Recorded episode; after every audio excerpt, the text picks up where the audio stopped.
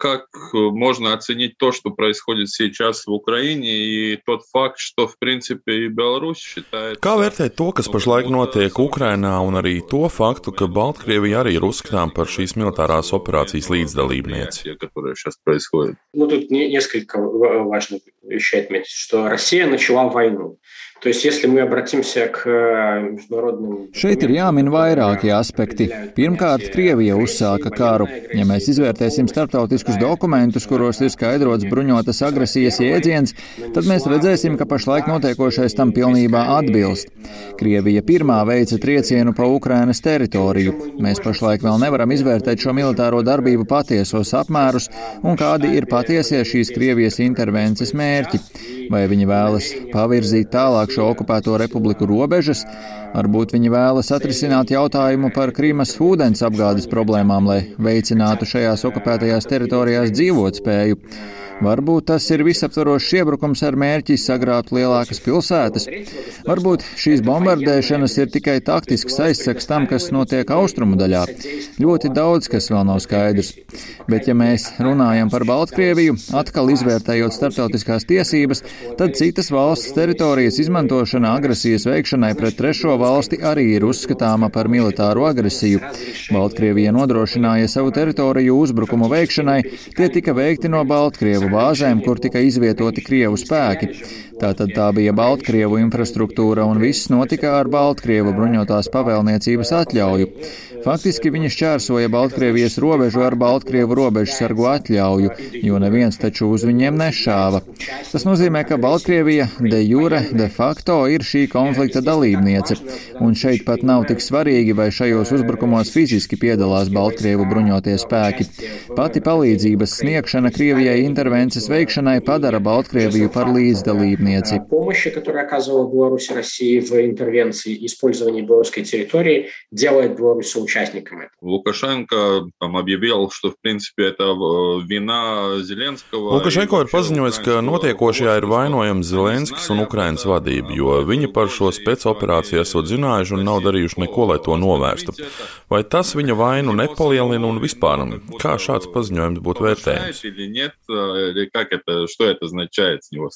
Как это, что это означает с него стороны? Ну, здесь это такое поведение, когда агрессор возлагает на жертву как бы вину. Šis ir tipisks piemērs tam, kā agresors uzveļ upurim vainu par agresijas izprovocēšanu. Gluži kā varmāka apgalvo, ka upuris ir bijis nepiemēroti saģērbies un izprovocēja vardarbību. Pašam jau it kā ir kauns atzīt, ka tieši tu esi bijis tas uzbrucējs, tāpēc ir jāapsūdz otra puse. Acīm redzami, ne jau Ukraina uzbruka, ne jau Ukraina bombardēja un ne jau Ukraiņu raķetes krita Krievijas pilsētās. Viss bija tieši pretēji.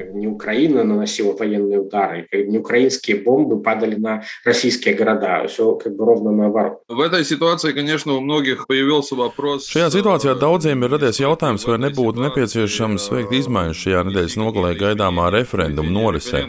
Pats Lukašenko ir paziņojis, ka referendums notiks. Kā uz šo referendumu vispār var skatīties pašreizējos apstākļos? Как вообще можно смотреть на этот референдум вот в такой ситуации? Вот в, в данной ситуации сейчас положение Беларуси как бы это положение страны-сателлита vai situācija vajena intervencija. Pašlaik Baltkrievija darbojas kā militārās intervences satelīta valsts, gandrīz kā Rumānija Otrajā pasaules karā. De facto šim referendumam nav nekādas nozīmes. Baltkrievijā pašlaik darbojas kaut kas līdzīgs Višī režīmam okupētajā Francijā. Visam, kas tiek darīts, nav nekādas saistības ar politisko realitāti. Visu nosaka pašlaik notiekošais karš, jo šis referendums neizlems neko, kas ir saistīts ar Baltkrievijas nākotni vai tagad tagadni. Piemēram, demokrātiskie spēki joprojām domā, ko darīt - saglabāt aicinājumu iet uz iecirkņiem vai nesaglabāt. Ja saglabāt, tad kāpēc? Daudziem tas ir ļoti nopietns jautājums, jo kāda šim referendumam vispār ir jēga? Ja jūs jautājat man, tad šim referendumam nekādas politiskas nozīmes vairs nav. Ну, как по мне, так как бы, никакого политического значения, то есть он сейчас уже не имеет. Но, в принципе, вот когда вот это голосование запланировалось... Laikā, kad šis balsojums tika plānots, pašreizējās varas mērķis bija ļoti tālajošs. Kā to visu varēja vērtēt pirms kara sākuma un kādas pārmaiņas Baltkrievijā vispāр tika plānotas? Поменялось в Беларуси? Ну, вот вне контекста, который, конечно, к референдуму кардинальным образом все меняет. Līdz viss radikāli pārmainījās, referendums bija ieplānots ar mērķi atrisināt vairākus uzdevumus. Pirmkārt, pēc 2020. gada zaudējuma vēlēšanās bija nepieciešams leģitimizēt pašu režīmu, kurš tā arī nav īsti spējis atkopties. Tāpēc bija nepieciešams iegūt kaut kādu leģitimitāti, lai atgrieztos pie kaut kādas normalitātes Baltkrievijā. Otrakārt, uz šāda referenduma rīkošanu uzstāja Krievija, kura faktiski pieprasīja prezidenta pilnvaru samazināšanu un parlamenta pilnvaru palielināšanu. Šis referendums varai bija nepieciešams, lai parādītu savai elitei, ka viņiem ir varas tranzīta plāns. Ja nu gadījumā kaut kas notiktu ar Lukašenko, sistēma saglabātos un režīmu atbalstošajām elitēm nekas nedraudētu. Tieši tam arī tika izstrādātas šīs izmaiņas konstitūcijā. Taču kopumā šis referendums varēja šos uzdevumus atrisinātu tikai daļēji, jo sabiedrība pret šo referendumu izturas ārkārtīgi skeptiski, neuzskatot to par pietiekami likumīgu. Arī konstitucionālās reformas kā tādas tika uztvērtas bez īpaša entuziasma, jo neviens šādām reformām netic. Tāpēc arī lielas nozīmes nav. Я думаю, что где-то в этом состоял базовый сценарий Лукашенко здесь. Nu, в конце концов, я бы хотел спросить, вот в этой ситуации... Jūs jau minējāt, ka demokrātiskie spēki pašlaik spriež par to, kā īsti uz notiekošo un šo referendumu reaģēt. Kā mēs vispār varam vērtēt pašreizējās opozīcijas spēku darbības un kas būtu jādara? Что надо делать в этой ситуации? Ну, нужно понимать, что белорусские оппозиционные силы крайне ограничены в своих возможностях влияния на ситуацию. Ir jāsaprot, ka Baltkrievijas opozīcijas spēki savās darbībās un spējās ietekmēt situāciju ir ārkārtīgi ierobežoti. Visi aktīvie centri, kuros ieklausās cilvēki, visi līderi ir izspiesti uz ārvalstīm, un viņi nevar īsti ietekmēt cilvēku mobilizāciju Baltkrievijas iekšienē. Baltkrievijā, protams, ir atsevišķas struktūras, taču tās ir decentralizētas un nav apvienotas vienotā tīklā vai kustībā un tāpēc nevar spēlēt aktīvu lomu. Pēc kara sākuma mēs pat īsti nespējām novērtēt to, kas notiek Baltkrievijas iekšienē, jo karš tomēr ir ārkārtīgi svarīgs notikums, kurš ļoti pamatīgi ietekmē cilvēkus un viņa domāšanu, izvērtējot dažādus riskus.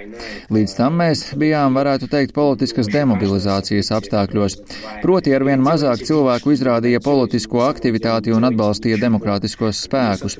Pakāpeniski palielinās to cilvēku skaits, kuri ir neizlēmīgi. Viņi nav ne par Lukašenko, ne par opozīciju un tas nāca par labu Baltkrievijas politiskajam režīmam. Šādos apstākļos nemaz daudz nevar izdarīt, taču var izmantot to morālo autoritāti, kas pašlaik joprojām ir demokrātiskajiem spēkiem, lai aicinātu iedzīvotājus neatbalstīt šīs militārās darbības Ukrainā. Proti priekšplānā ir jānonāk pretkara retorikai. Ir jāaicina jebkādā formā nesadarboties ar jebko, kas kaut vai attālināti ir saistīts ar militāro darbību. Ja jūs remontējat ceļu, pa kuru brauc tanki, neremontējiet to vai izliekaties, ka remontējat. Nesadarbojieties. Ja jūs dienat armijā, izmantojiet iespēju, lai bēgtu. Ja armijā dien jūsu bērni, centieties panākt, lai viņi noliek ieročus.